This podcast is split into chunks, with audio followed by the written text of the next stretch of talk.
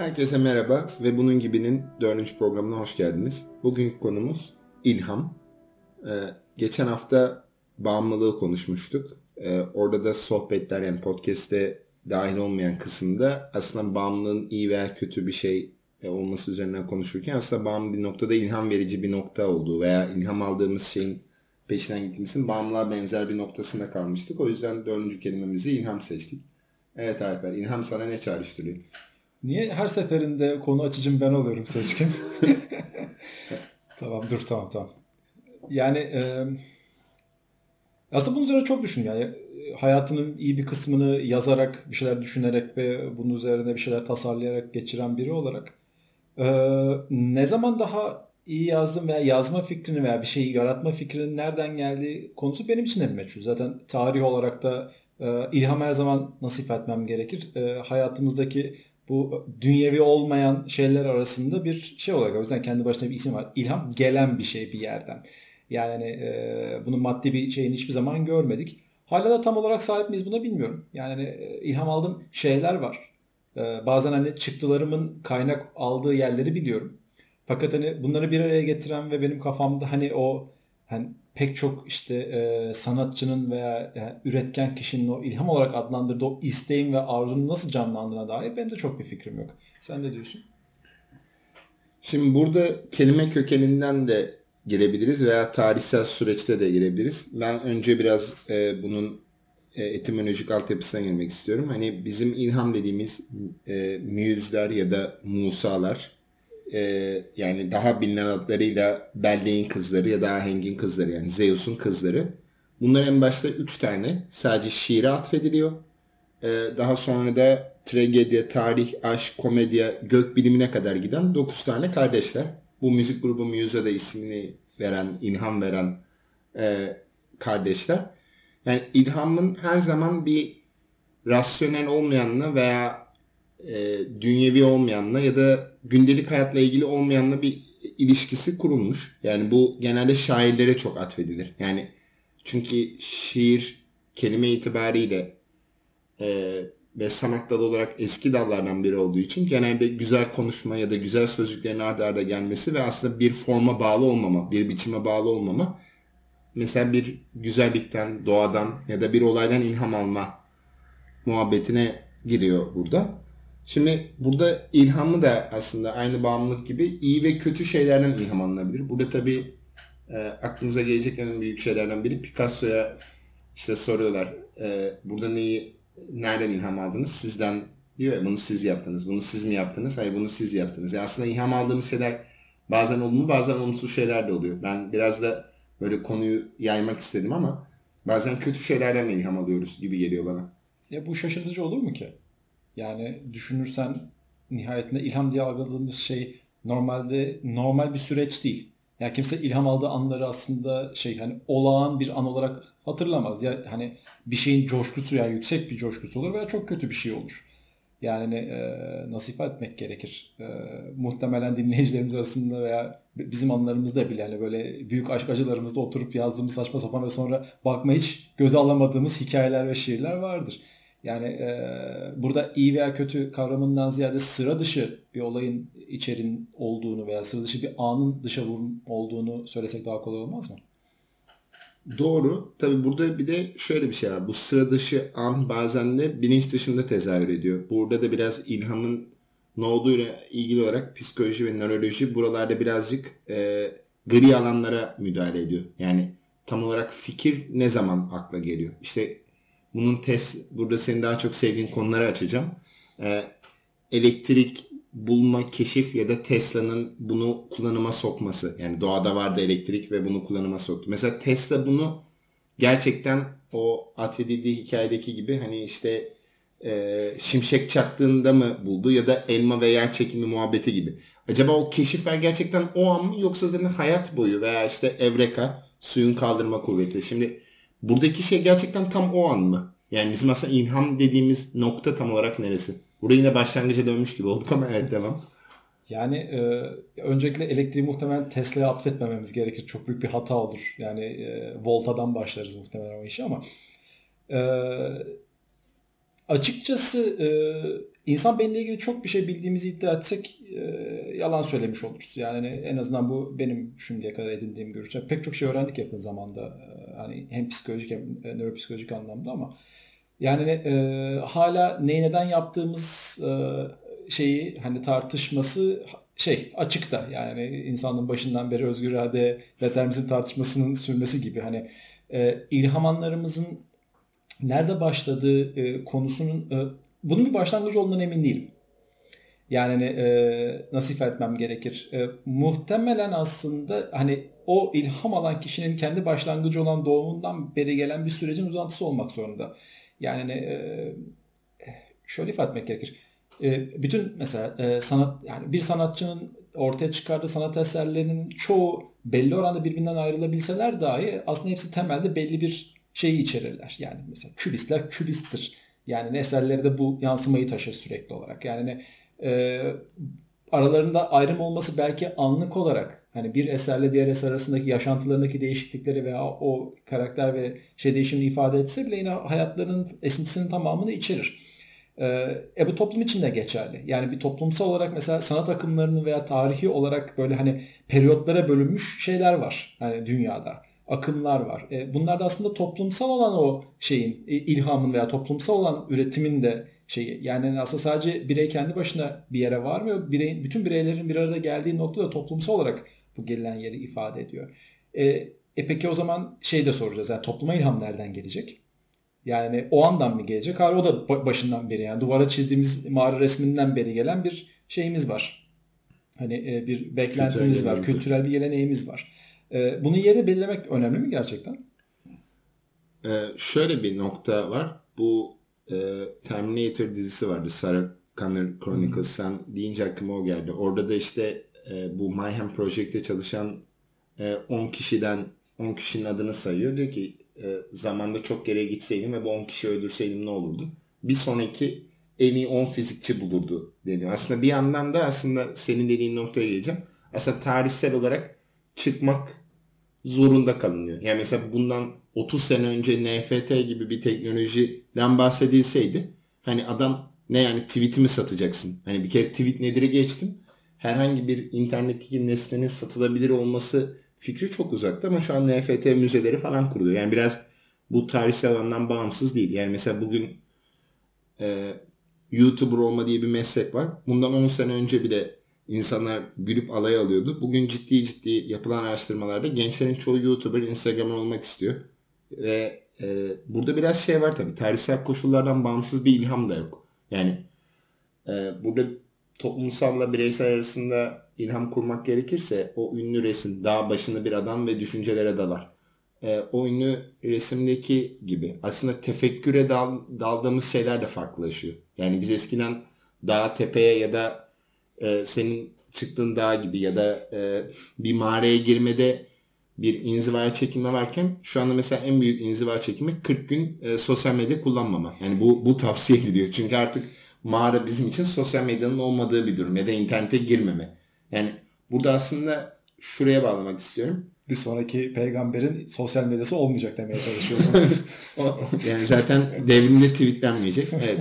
Şimdi e, burada ilham aldığımız şeyin başlangıç noktası şu açıdan önemli. E, benim e, yazdığım satranç kitabının da mesela ilham işte ben bir gün gün batımında işte iki görme engellinin soh bir görme engelli yanındaki kişinin sohbetine ilham alıyorum ama aslında benim bütün hayatım boyuncaki deneyimim orada aksettiriyor. Burada da aslında ilhamla beraber en önemli şey herhalde deneyim. Çünkü buradaki çelişki şuraya kadar gider. Üniversite zamanlarında güzel bir manzaraya gittiğimizde işte burada bilmem kim oturuyormuş.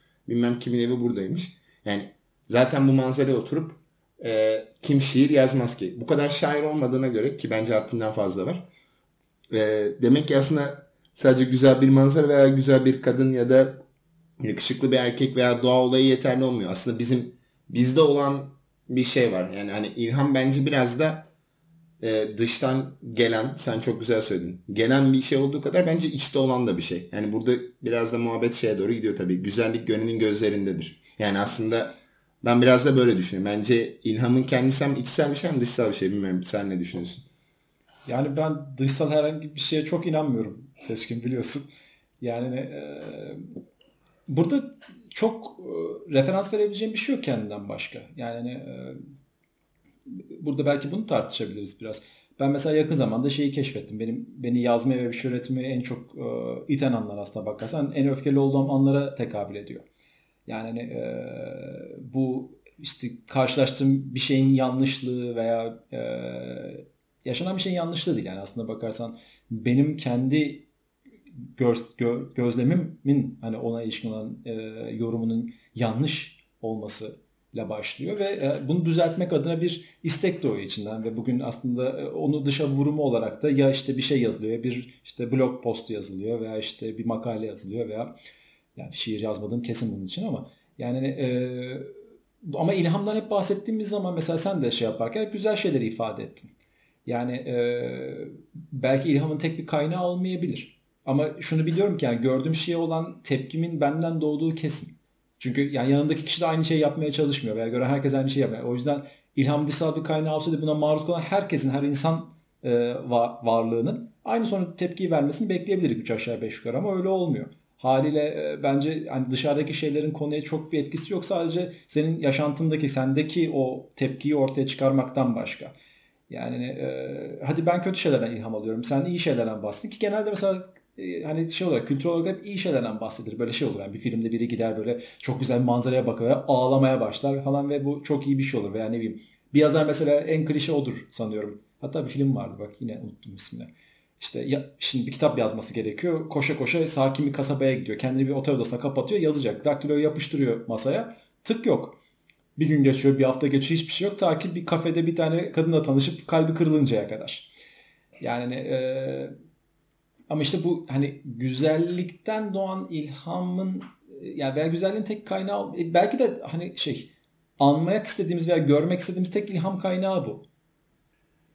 E, tabii buradaki şey şu yine başlangıç noktamıza ufak bir nokta atışı yapmışım ama aslında ilham biraz da ilk dediğin kavramı dünyevi olmayana işaret ediyor ya. Yani dünyevi ve sıradan olmayana yani her gün bir insana ilham gelmez. Hatta yazarların tavsiyeleri de genelde her gün yazmanızdır. İşte bunu Haldun Dörmen, Ferhan Şansoy öğütlemiş, Orhan Pamuk ve birçok yazar bunu öneriyor. Her gün yazmayı öneriyor. Aslında bakmak istediğinde her şey ilham verici olabilir. Yani bakma perspektifine bağlı olarak. Yani sen her gün pencerenden dışarıda olan olayları aktarsan o bile aslında mevsimler değiştiği için, insanlar değiştiği için ve senin evine gelenler olduğu için o bile aslında her gün aynı pencereyi gördüğünde bile aslında aynı pencereyi görmemiş oluyorsun. Yani buradaki ilhamın diğer çağrışımı biraz podcast'ten önce de konuştuğumuzdaki gibi e, ister istemez hem Muse'un Musa kelimesine gönderme yapması hem de vahiy olması. Yani aslında burada kutsal metinlerde veya kutsallık atfedilen kişilerde veya kutsal olduğunu iddia eden veya kabul ettiğimiz kişilerde her zaman ilhamın vahiy, vahiy ile ilham arasında bir bağ kurulur ister istemez. Çünkü bu hatta Safet Murat Turan'ın Şeyh Arzu kitabında şey der, bir ses duyabilseydim eğer o nörolojik olarak vahiyinin çıkabildiğini e, bir makalesinde orada yazar.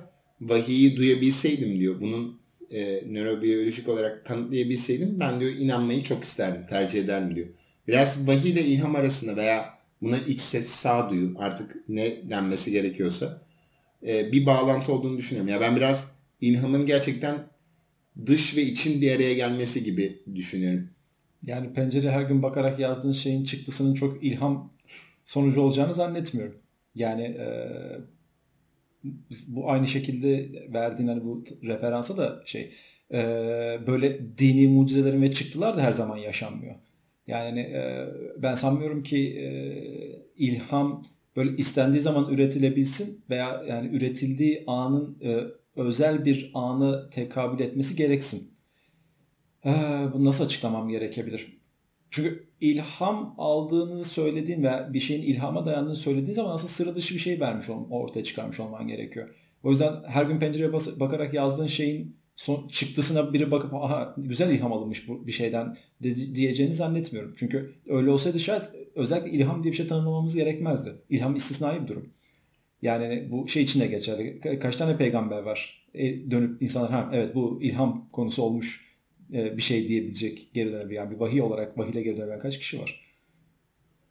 Şimdi buradaki konu e, bana biraz da senin dediğinden bu yazar ve gitme muhabbetini de deminki şeyde onu açmak istiyorum biraz. Bu Barton Fink filminde ve Adaptation'da biri Kaufman'ın biri de Coen kardeşlerin. Orada da aynı senin dediğin gibi ilham almak için bir kasabaya veya bir uzağa gidilir ve bu aslında yazarların en büyük sıkıntısıdır. Yani bir yerde üretkenliğin bitmesi ve bir mekan veya yer değiştirme. Sence ilham böyle bir şey mi? Yani dışsallığı en azından mekansal yani bahsedebilir miyiz? Yok kesinlikle bahsedebilirsin canım. Yani e, e, benim bu konudaki temel düşüncem şu bu arada. Yani bir şeyi üretebilmek için gereken süreç aslında birçok girdi gerektiriyor. E, belki şimdi pek çok pek çoğumuz için bu e, daha anlaşılır olacaktı. Mesela Covid döneminde e, birçok insan e, dışsal o hani zihinsel girdiği kaybetti. Yani sosyallik alanlarımız azaldı, daha az insanlarla temas eder olduk, yeni şeylerle daha az hani e, ilgilenir olduk zorunlu olarak yani. Şimdi online dans dersi aldım diyenleri kenara bırakacağım. Ama hani e, üretim için gereken o bu da ilginç bir fikirmiş deyip yani bir sentez ortaya çıkarabileceğin kendinden yani kendi kafandakilerle birleştirip bir sentez çıkarabileceğin şeylerden mahrum kaldık. Yani e, bir gün mesela şeyi çok merak ediyorum. Yani bugünlere bakıp hani sanatsal veya bilimsel üretimlerin mesela nasıl nasıl çoğaldığına dair bir araştırma olacak mı bugünlere ilişkin olarak? Çünkü e, benim için oldu mesela. Yani daha az insanla konuşmak, daha az e, temas etmek yani e, nasıl söyleyeyim? Yoksun kalmak insan girdisinden ve toplum veya kültür girdisinden e, otomatik bir çıktı olarak daha az üretmeme sebep oldu. Çünkü hani e, nasip etmek gerekir. Kafamdaki düşünceler zaten düşünülmüş durumda. Yeni düşünceler lazım. O yüzden e, pek çok insanın bulunduğu ortamdaki koşulları tüketilmesi yani entelektüel ve düşünsel olarak tüketilmesi çok mümkün. Yani e, nasip etmek gerekir. Belki hani İstanbul gibi böyle olmaması gereken derecede büyük bir şehirde yaşayan bir insan için hani temas edecek insan sayısı pratik olarak sonsuz olabilir ama hani e, bundan işte 100 sene önce 200 sene önce yaşanan alanlar çok küçük alanlar. Özellikle entelektüel alanların darlığını da düşünürsen haliyle o yazarların hani beyin kıtlığı çekmesi çok muhtemel. Ben olsam ben de kaçardım. Bu kaçma mevzusu kadar ben yine önce bir dışsallığa konu açtım ama tekrar içselliğe geçeceğim. Demin buraya gelmeden önce mesela yine bence tırnak içerisinde ilham verici bir şey yaşadım. Migros'a sıra bekliyorduk. Tam Migros'un çıkışında bir e, genç bir kadın bağırarak kahkaha atıyor. Ama hani kıl, kılık kıyafeti aslında hani bir e, sokakta kalan ve hani klasik anlamda e, kahkaha atan ve Kadıköy'ün klasik e, kişilerinden biri değildi. Bir 3-4 dakika falan güldü. Orada sıradaki e, insanların yorumları dahil. Birkaç kişi şöyle yorumladı. Ne kullanıyor acaba? E, ben de aynısından istiyorum. Birkaç kişi e, niye niye kızıyorsunuz canım? Gülsün. Keşke hepimiz gülsek. Birkaç kişi ya işi gücü yok mu? Biri bunu kovsun gibi. Hani bir kahkaha ve fütursuzca bir kahkaha birileri için tehditken ben uzun süre gözlemledim hatta ben yardımcı olabilecek bir şey var mı? Hatta sinir kriz geçirip geçirmediğini düşündüm. Hani bazen böyle tepkimeler olabiliyor. Hani sadece basit bir Migros'a girişte bile insan ilham alabiliyor. Bence biraz bunun hem içsel hem dışsal faktörü var. Biraz da yani dışsallıkta mekan, toplumun yanı sıra e, bizim bakış açımızla da alakalı. Buradan bir vecizeyle bitireceğim ve sana geçireceğim. E, hep şey derler. E, her arayan bulamaz ama bulan bir zamanlar kesin arayışa veya yola çıkmıştır. Yani biraz da bakmayı bilmekle de alakalı olduğunu düşünüyorum. Çünkü her gün hepimiz bazı şeyleri tanıklık ediyoruz. Ama mesela sen orada başka bir detaya takılıyorsun ya. Aslında aynı şeyi görmüyoruz. Burada yine nöropsikoloji, psikolojinin gri alanları arasında dolaşmak istemiyorum ama aynı şeye dikkat etmiyoruz. İşte sen diyorsun ki üzerinde o gün o kazak vardı. Veya diyorsun ki e, Abi e, o gün mavi kalemi giymiş, e, mavi kalemi kullanmıştın. Benim için önemli bir detaydı ama sen oradan bir şiirsellik yakalıyorsun veya ben şiirsellik yakalıyorum. Yani burada gerçekten ilham mesela aranıp bulunan bir şey mi? Ee, aramazsan bulamazsın ki. Evet yani yine vecize haklı çıktı. Yani, yok ama bu çok doğal bir şey yani. yani sorun sorunu şu şekilde düzeltmek gerekir. İnsanları e, aramaya iten şey ne?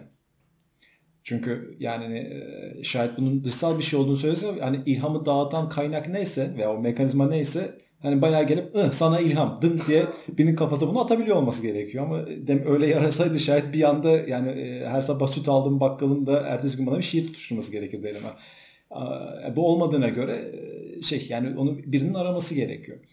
E, fakat şey yani bu, bu sorunun cevabını nasıl cevaplayabileceğim konusunda bir fikrim yok. Ee, yani mesela bunun en, en basit belki de en bariz şeyi belki toplumsal onay olabilir. Çünkü e, bilim kadarıyla hani istisnalar haricinde bir ilhamı konusu olmuş herhangi bir üretinin topluma sunulmadığı bir an yok. Yani her e, şey yani ilham alan ilhamının sonucunu aslında insanlarla paylaşmak istiyor. Ee, belki bu insanları e, ilhamı aramaya ve bir şey üretmeye iten şey bunu paylaşma isteğidir. Ve bu paylaşmanın sonucunda aldığı onaydır belki. Yani belki bunu e, yemek ve su ve hava gibi çok basit bir ihtiyaca kadar indirgeyebilirim. Ne dersin?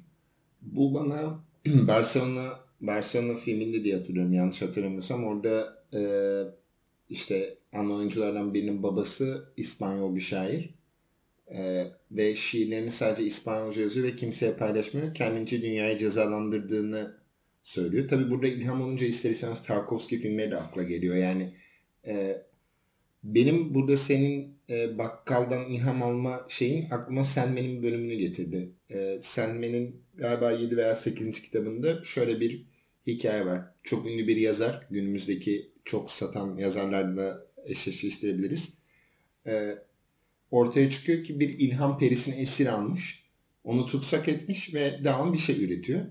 Daha sonradan bizim ana kahramanımız bütün serinin Morpheus e, geliyor. Çünkü bir zaman ilham perisiyle bir aşk yaşamış ve onu özgürlüğüne e, kavuşturuyor. Ve e, Morpheus onu cezalandırmak için, yazarı cezalandırmak için ağzından burnundan kelimeler çıkıyor. Yani ilham kusturtuyor ve e, ölüyor en sonunda. Artık duvarlara yazıyor. Kanıyla bir şey yazıyor vesaire vesaire. Şimdi aslında bu ilhama maruz kalmak ya da bir önceki konumuz bağımlılık ya da yine ba- e, bağlantı kurmak gerekirse aslında bir şeye çok maruz kalma, eksik hissetmek yani biraz senin dediğin arama ve bulma konusuna geri dönersek bizi bu arayışa iten şey bence büyük bir ihtimal. Hem toplumsal ona bir yandan da zaten bütün üretimler bir noktada toplumsal olan ya da anlaşılma isteği. Yani en azından e, hani burada daha e, sufi bir şeye referans vermek gerekirse konuşan medet umar denir. Mesela mesela genelde e, tasavvufi şeylerde sessizlik öğretilir. Çünkü konuşmaya değer çok az şey vardır ve susma makamı veya susmaktan söz edilir. Zaten konuşmanın yani bu podcast'te de biz bir şekilde birilerine iletişime geçmeye çalışıyoruz veya sohbet etmeye çalışıyoruz. Bundan azade olmak herhalde çok zor gibi geliyor bana. Yani bizi arayışa sürükleyen şey muhtemelen bu. Ya bu biraz kısır da döngü ama yani e, düşünürsen hani her üretim toplumsal girdi gerekiyorsa her toplumsal girdi bireysel üretim gerektiriyor. Yani e, bu açıdan hani kimsenin mesela ürettiği şeyleri sunmadığı bir toplumda muhtemelen bir süre sonra bir şeyin üretilememesi gerekir. E, ama toplumsal onay kahretsin niye her şey buna bağ, bağlanıyor bazen garipsiyorum böyle hani e, hani sosyal varlıklarımızı doğrulamadan veya sosyal varlığımızın parçası olmayan bir öğemizi bulabilmek zor. E, bu onlardan çok da e, uzak değil. Yani hani, e, üretme devam edeceğiz muhtemelen ama şey ilginç bir şey var kafamda. Yani bunu bir süredir düşünüyorum. Yani belki yine modern bir noktaya bağlayarak kapatabiliriz. Bugün artık pek çok mesela bazı insanlar fark edebilir bunu. Popüler müzik üretiminin mesela ne kadar birbirine benzer hale geldiğini görüyorsun. Ee, şimdi normalde ilham deyince bu hani kutsallığın verdiği gizden dolayı, gizemden dolayı aslında çok mistik bir şey algılarsın. Yani ortaya çıkan şeyin aslında yani böyle hani entropisinin %100 olduğunu varsayarsan yani yepyeni bir şey ortaya çıkmıştır. Aman tanrım ne kadar ilginç. Yani bu nasıl üretilebilir? Hani kesinlikle ilham olmalıdır. Çünkü hani bu çok sıra dışı bir şey dersin. E, bu onun aslında toplumsal onayının ve beğenisinin de şey olur. E, nasıl göstergesi olur ve nasıl temeli olur belki. Fakat mesela şu anda e, yani pop kültürün ürettiği başarılı ve hani çok dinlenen. Mesela bu arada rock'a da bulaşmış bir şey bu. Yani hani, e, mesela Green Day mesela en sevdiğim örneklerden bir tanesi. Yani eskinin şey e, hani iyi rock gruplarından birinin son albümü diğer birçok hani rock grubu albümünü ayıramasın neredeyse. Yani aynı metodoloji, aynı formülasyon. Belki de bizim beğeni olarak veya nasıl söyleyeyim ilhamdan kaynak alındığını düşünebileceğimiz eserlerin pek çoğunun aslında tahmin edilebilecek bir formülü vardır. Belki hani pek çok şey gibi hani beynimiz gibi anlamadığımız dan dolayı mistik öğeler sarf ettiğimiz şeyin aslında çok da mistik bir tarafı yoktur belki de. Yani e, korkum o ki buna korku diyebilir miyim bilmiyorum. Hani belki bir dönemin kapanması sayılır kültür anlamda ama hani e, üzerine dünya kadar söz söylediğimiz böyle alıntılar yapabildiğimiz bir hani insan şeyinin halini belki de bir gün e, çözümünü bulacağız. Yani arkadaşlar ilham perisini boş verin. Biz şurada bir tane şey algoritma yazdık. Şuradan bir şey yani bir, bir miktar bir şey dökün öbür taraftan size güzel bir şey çıkacak diyebildiğimiz zaman e, gerçekten insanın ilhamının e, bir şeyi kalacak mı acaba? Mistik hali kalacak mı? Ve biz bundan eğlenecek miyiz yani? Çünkü o gizem bizi eğlendiriyor. Hani bir sihirbazın hani bir şey yok etmesi ki yok etmediğini biliyoruz açıkça ama yani bunu görüyor olmak bile hoşumuza gidiyor. E, o gizemin kaybolması acaba bizde bir, nasıl bir etki yaratır? Şimdi burada tabii aklınıza gelmesi gereken şey bir noktada şu. E, burada e, Jim Jarmusch'un Godard'a refer ederek söylediği şey aslında hiçbir şey de orijinal değil bir noktada da. Yani güneşin altında hiçbir şey yeni değil ve mesela şey de yeni değil. Geçen gün e, bir dost sohbetindeyken şöyle bir şey oldu. Ya işte pandemi oldu, dünya savaşı, krizde açlık vesaire. Yani bu birçok kitapta da geçer, birçok sosyal bilimci de buna referans verir. İstisnasız yazılı tarihin olduğu her toplum e, kendisinin kıyamet yaşayacağına inanmış. Ve diyor ki toplum çok kötü, aileler küstü, e, çocuklar büyük sözü dinlemiyor, atasözü dinlenmiyor, ahlak bozuldu, işte dünya kötü bir yere gidiyor ve kaos. Neredeyse her yüzyılın yani yazılı olarak ve günümüze ulaşan neredeyse her yüzyılda bu kehanet ortaya atılmış. Bu işte Nostradamus ve 2000 yılı krizindeki gibi. Yani neredeyse herkesin zaten bir e, kötüye gitme şey var. Aslında bu konuda bile orijinal değiliz. Yani aslında bizim korkularımız veya şu an orijinal dediğimiz şey de aslında büyük bir insanlık getirisi. Yani burada e, şey bu Orhan Pamuk'un bir tane kitabıyla ilgili var. Kitabı okumadığım için kitabın adına referans vermek istemiyorum ama Thomas Mann'ın bir kitabıyla karşılaştırılıyor. Şimdi buradaki ince çizgi de şu.